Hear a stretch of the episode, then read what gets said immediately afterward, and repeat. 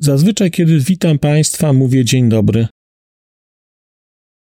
No i dzisiaj też powinienem powiedzieć, ale. Ale jakoś trudno te słowa przychodzą, bo ten dzień, no może będzie dobry, ale, ale trudno te słowa przychodzą.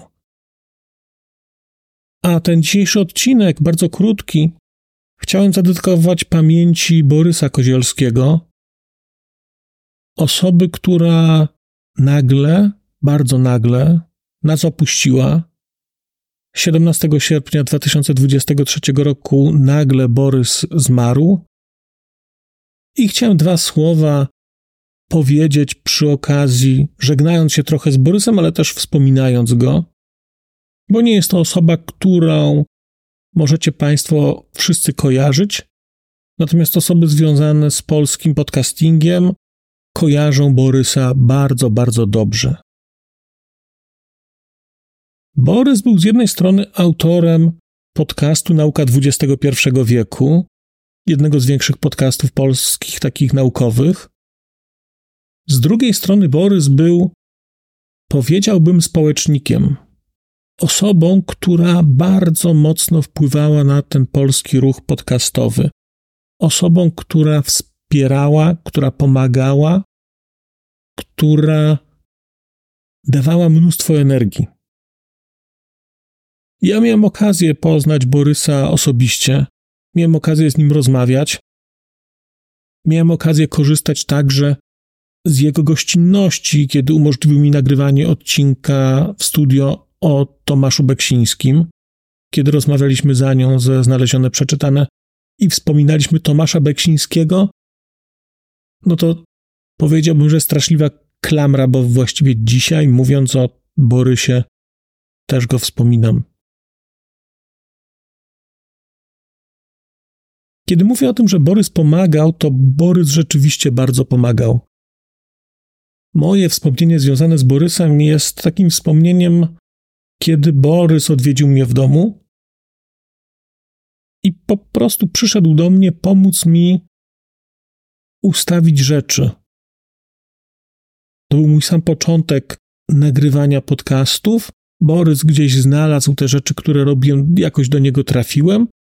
Zaczęliśmy korespondować i umówiliśmy się, że wpadnie do mnie pomóc mi pokazać co i jak, żeby robić rzeczy lepiej. I kiedy Borys do mnie zajrzał, to miałem wrażenie niesamowitej pomocy i takiej pewności, którą ze sobą przyniósł.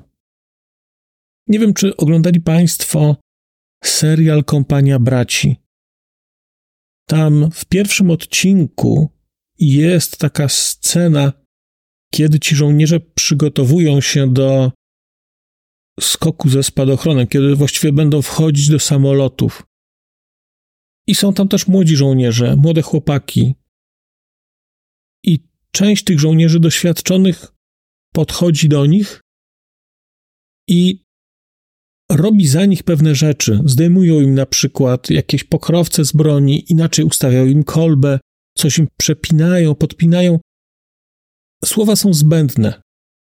Oni po prostu w trosce, takiej trosce, która nie musi się wyrażać słowami, tylko gestami, coś dla nich robią. I ja bardzo podobnej rzeczy doświadczyłem od Borysa.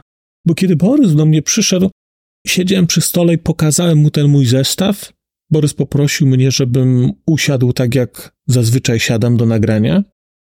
I ja sobie usiadłem, po czym Borys przez w ciągu kilkunastu sekund właściwie wszystko mi ustawił. I to było niesamowite doświadczenie, bo widać było taką wielką pewność w tych gestach. Trudno to oddać słowem, ale po prostu pewne rzeczy mi zdjął, pewne rzeczy mi przełączył, pewne rzeczy mi poustawiał i powiedział: No, i teraz możesz nagrywać.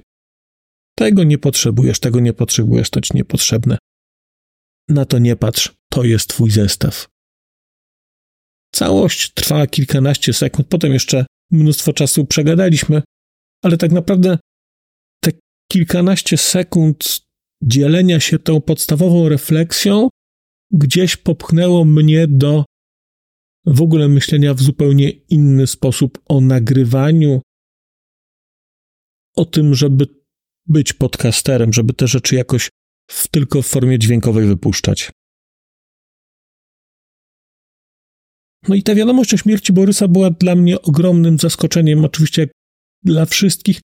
Natomiast ona miała dla mnie jeszcze taki dodatkowy element smutku, bo dowiedziałem się o odejściu Borysa w piątek, 18 sierpnia, a na sobotę rano byłem z Borysem umówiony na, na spotkanie, na nagrywanie odcinka u niego w studio. I no, już się nie spotkaliśmy. I oczywiście jest tak, że ta śmierć kogoś, odejście kogoś zawsze nas jakoś dotyka, ale czasami mamy wrażenie, że ona nas tak mija zupełnie obok i że czujemy taki powiew. I ja właśnie coś takiego poczułem, no bo miałem się z Borysem widzieć następnego dnia rano. To już były godziny, to nie takie godziny, że 24, tylko już takie ostatnie godziny przed spotkaniem i no i tego spotkania już nie było.